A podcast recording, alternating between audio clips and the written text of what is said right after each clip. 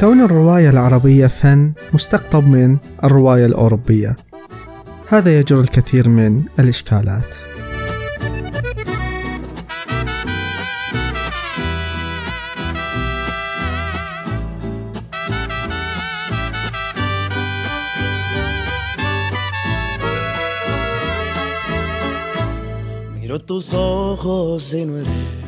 أنا حسين الضوء وهنا الكنبة الصفراء. إحنا نعرف إن الرواية في شكلها الحالي والموجودة في كل مكان في العالم هي ترجع إلى الرواية الأوروبية وربما بالتحديد إلى رواية دون كيهوتا للروائي الإسباني ميغيل دي ثربانتس الروائي التشيكي ميلان كونديرا يتفق مع هذا الكلام ولكن يقصد شيء مختلف تماما. شيء متعلق بكون الرواية جنس أدبي ناتج عن الثقافة الأوروبية. نستطيع أن نقول بأن الفن هو جزء لا يتجزأ من مكون الإنسان. بمعنى أن الإنسان أو الفرد دائما يجنح إلى التعبير عن ذاته. والفن بشكل عام نستطيع أن نعبر عنه برغبة الفرد في التعبير عن نفسه. قد يكون هذا التعبير يعني يتخذ شكلا معقد أو شكل يعني آه، مو أي أحد يتقنه مثل الرسم والشعر وقد يكون شيء سهل جدا مثل طالب في مدرسة وقاعد يخربش أو يرسم زخارف على الطاولة. لكن في كل هذه الحالات هذه الرغبة موجودة للتعبير عن النفس. ما نطلق عليه بالفن هو تماما مثل الجوانب الأخرى كالسياسة والاجتماع والفكر وغيرها من الأمور التي تشكل الفرد والمجتمع. وجميع هذه الجوانب تؤثر على بعضها البعض. ولذلك إحنا نقدر أن ندرس أي جانب أو جنس أدبي أو فني وربطه بالجوانب الأخرى الاجتماعية والسياسية والاقتصادية والفكرية وغيرها. وهذا ما قام به ميلان كونديرا في تعريفه أو في فهمه للرواية الأوروبية واللي خلاه يستنتج أن الرواية هي منتج أوروبي خالص.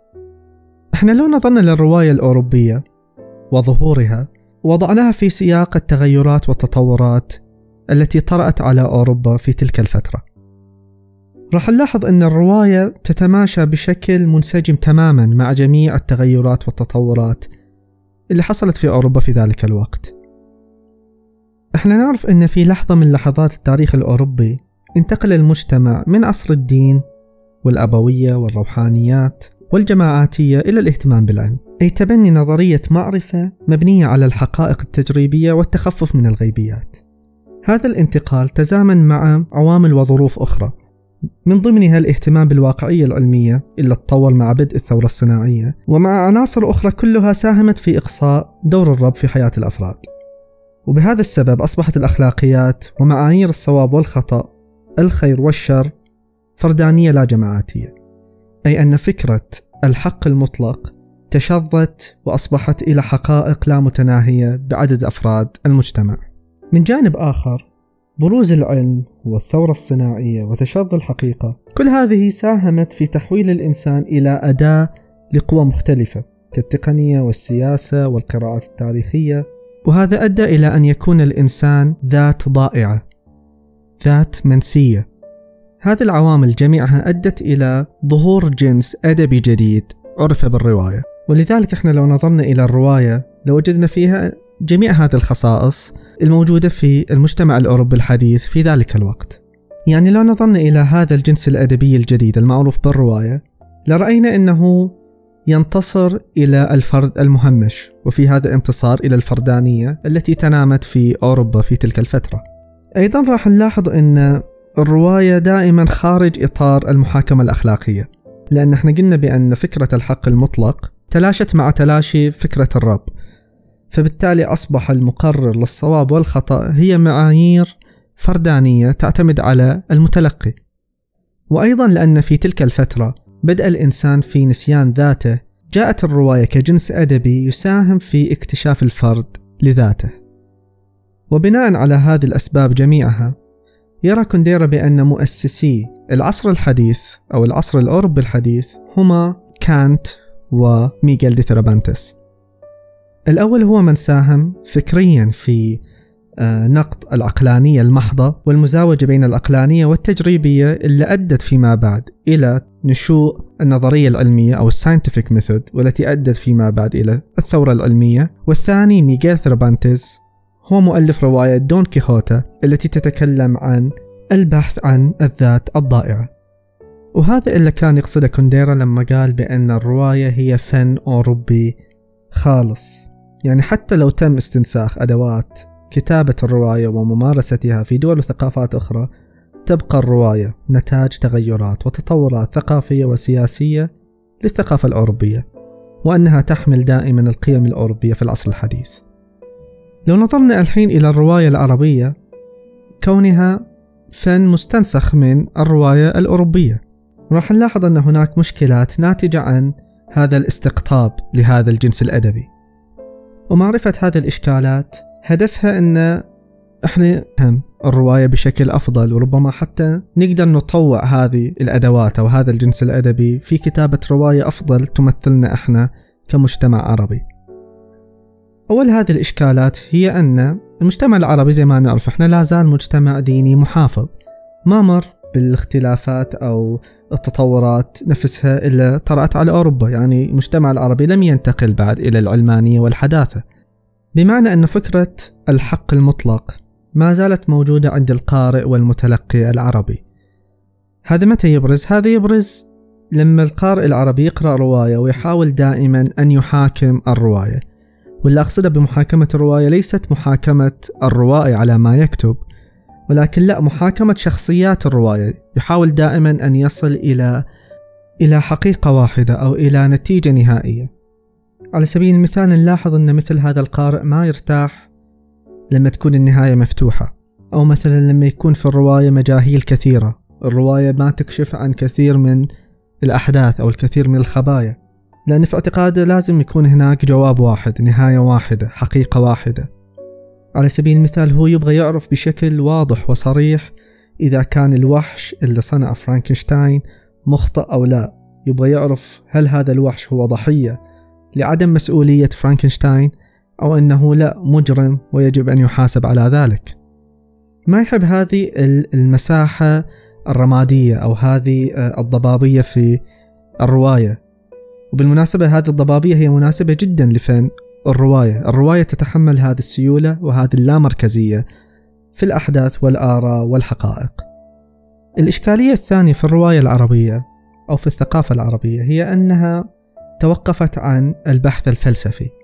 إحنا نعرف أن الرواية تتكون من جانبين رئيسيين. الجانب الأول هو الجانب الموضوعاتي المتعلق بموضوع الرواية والجانب الثاني هو الجانب الفني الطريقة اللي راح تتناول بها هذا الموضوع داخل الرواية. مشكلة غياب التفكير الفلسفي أدت إلى ضحالة تناول الموضوعات. يعني كثير من النقاد مثلا يقول بأن الرواية هي في النهاية جماليات وليست موضوعات. يعني ما يهم وش الموضوع اللي أنت راح تتناوله في الرواية ولكن يهم الطريقة اللي راح تتناولها بها. الطريقة اللي راح تتناول بها الموضوع ما يعني بالضرورة فقط الجماليات بل يعني أيضا أدواتك في تناول هذا الموضوع. مقدار العمق اللي راح تدخل فيه في تناولك لهذا الموضوع. غياب هذه المهارات التحليلية غياب هذا العمق أدى في النهاية إلى ضحالة الطرح الأدبي في الرواية العربية. يعني مثلا إحنا نشوف أن كثير من الروايات العربية هي مجرد استنساخ لأحداث على أرض الواقع إلى الرواية. أو مثلا نشوفها أن هي مجرد آه، ما يعرف ب social commentary أو اللي هو النقد الاجتماعي فقط. أو أنها مجرد خطاب مثقل بالعاطفية. يعني تلاحظ أن الرواية قاعدة تتوسل عاطفة القارئ بشكل آه، نوعا ما محرج. ولذلك إحنا نشوف كثير من الروايات العربية تتناول دائما ثيمات محددة معروفة مثلا آه، الحرب. وهذا طبعا مدعوم بالأزمة السياسية الموجودة في المنطقة. وأيضا هناك فكرة ثانية تدعم هذه الإشكالية وهي أن الفرد العربي لا زال يرى في كونه ضحية فضيلة في ذلك. الإشكالية الثالثة في الرواية العربية وهي كون المجتمعات العربية مجتمعات جماعاتية لا فردانية كما هو الحال في المجتمع الأوروبي. وهذا يمس عنصر جوهري في فن الرواية. الرواية زي ما ذكرنا هي انتصار للأفراد المهمشين. يعني عاد إحنا نقرأ في الرواية شيء لا يشابه أبدا شيء شفناه من قبل. لأن عاد أن هذا الفرد اللي قاعدين نقرأ عنه أو هذه الشخصيات اللي إحنا قاعدين نقرأ عنها هي شخصيات جانبية هامشية غير متكررة. دون أن يؤثر ذلك على جودة الرواية من الناحية الأدبية والفنية والجمالية. بينما الثقافة العربية أو القارئ العربي دائما لما يقرأ رواية هو يقرأها كانعكاس للواقع السائد في المجتمع. من كذي إحنا دائما نسمع مثلا هذه المقولة إن هذا الشيء ما يمثلنا أو هذا الرواية ما تمثلنا ما تعكس عاداتنا. نسمع دائما جمل من هذا القبيل لأن في اعتقادنا إن هذه الشخصية الهامشية اللي ما تشبه أحد في المجتمع هي لا تستحق أن تمثل في فن أو نص أدبي لأنها بكل بساطة هي لا تمثل الجماعة في هذا المجتمع الجماعاتي. وهذا أحيانا يجر الروائي العربي للحديث عما هو جاذب عما هو سائد وتجنب ما هو شاذ أو ما هو مهمش. وهذا نوعا ما يتعارض مع جوهر فن الرواية. النقطة الأخيرة وهي أن الثقافة الغربية الحديثة دائما تنزع لكسر القيود للتجديد للتمرد على ما هو سائد وما هو معروف. وهذا يتماشى مع جوهر الفن كونه غير قابل للتقليد. يعني إحنا لو قلنا بأن الفن هو عبارة عن خلق هو ابتداع فهذا يعني أن الفرد يجب أن يكسر كل ما هو سائد أن يبتدع ما هو جديد. وهذا يختلف عن العالم العربي ذات الخلفية الدينية. هذه الخلفية الدينية نتج عنها ثقافة تكرس لفكرة الأفضلية لما هو قديم أو للمبكر. وقد يكون هذا مرتبط بنظرية المعرفة الخاصة بالأحاديث النبوية وخصوصا السند. لأن كل ما اقترب الرواة أو المدونون من عصر الرسول كل ما كانت المصداقية أكبر. ولذلك إحنا دائما نرى الأفضلية في كل ما هو قديم في كل ما هو مبكر أو رائد في كل مجال. نفس هذا التكريس نجده في الرواية العربية. كثير من الكتاب نلاحظ أنه يحاول أن يستنسخ تجارب كتاب سابقين يعتبروا قامات روائية عربية. طبعا هذا التكريس يساندهم في بعض النقاد اللي لما يقرأ رواية تشوفه يتذمر لأن هذه الرواية ما تشبه رواية إلى أحد الرواد في الرواية العربية. على سبيل المثال روائي شاب يحاول أن يكتب مثل نجيب محفوظ أو نشوف مثلا ناقد ثاني يتذمر أن الروايات الموجودة الحالية لا تشبه روايات غازي القصيبي. أو واحد يقرأ مسرحية ويقول هذه المسرحية تختلف عن مسرحيات غسان كنفاني. وهذا أيضا لا يخلو من إغفال لكون القيمة الجمالية هي قيمة تاريخانية أيضا. يعني النص اللي كان ذو قيمة جمالية عالية في وقت ما قد لا يكون كذلك الآن. وأنا ما أقصد أن الأعمال اللي كانت جيدة في فترة زمنية سابقة صارت الحين أعمال سيئة لأن إحنا حتى اليوم ما زلنا نقرأ أعمال مثل الإلياذة والأوديسة والكوميديا الإلهية. بس لو كتب أحد اليوم بذات الأسلوب لضحكنا عليه. في اعتقادي بأن النظر دائما إلى التجارب القديمة لا يساعد على التقدم خاصة إذا كانت هذه التجارب القديمة غير ناضجة وغير واضحة بل بالعكس مليئة بالتشوهات الفنية نتاج التقليد والسرقة وعدم وضوح رؤية الروائي. والأهم من ذلك هو أن ينتج النقاد العرب مفهوم نظري واضح للرواية العربية بدل كيل المديح للقديم والتذمر من الجديد. هذا كل اللي حبيت أتكلم عنه في حلقة اليوم. إلا عنده نقاط أو اقتراحات أو تعليقات خاصة من القراء للرواية العربية الذين يقرؤون بكثرة وربما وجدوا بعض الإشكالات فيما ذكرت ويقدروا يدعموا كلامهم بأمثلة من روايات عربية قرأوها يشاركونا وياها. شكرا لاستماعكم ودمتم بود.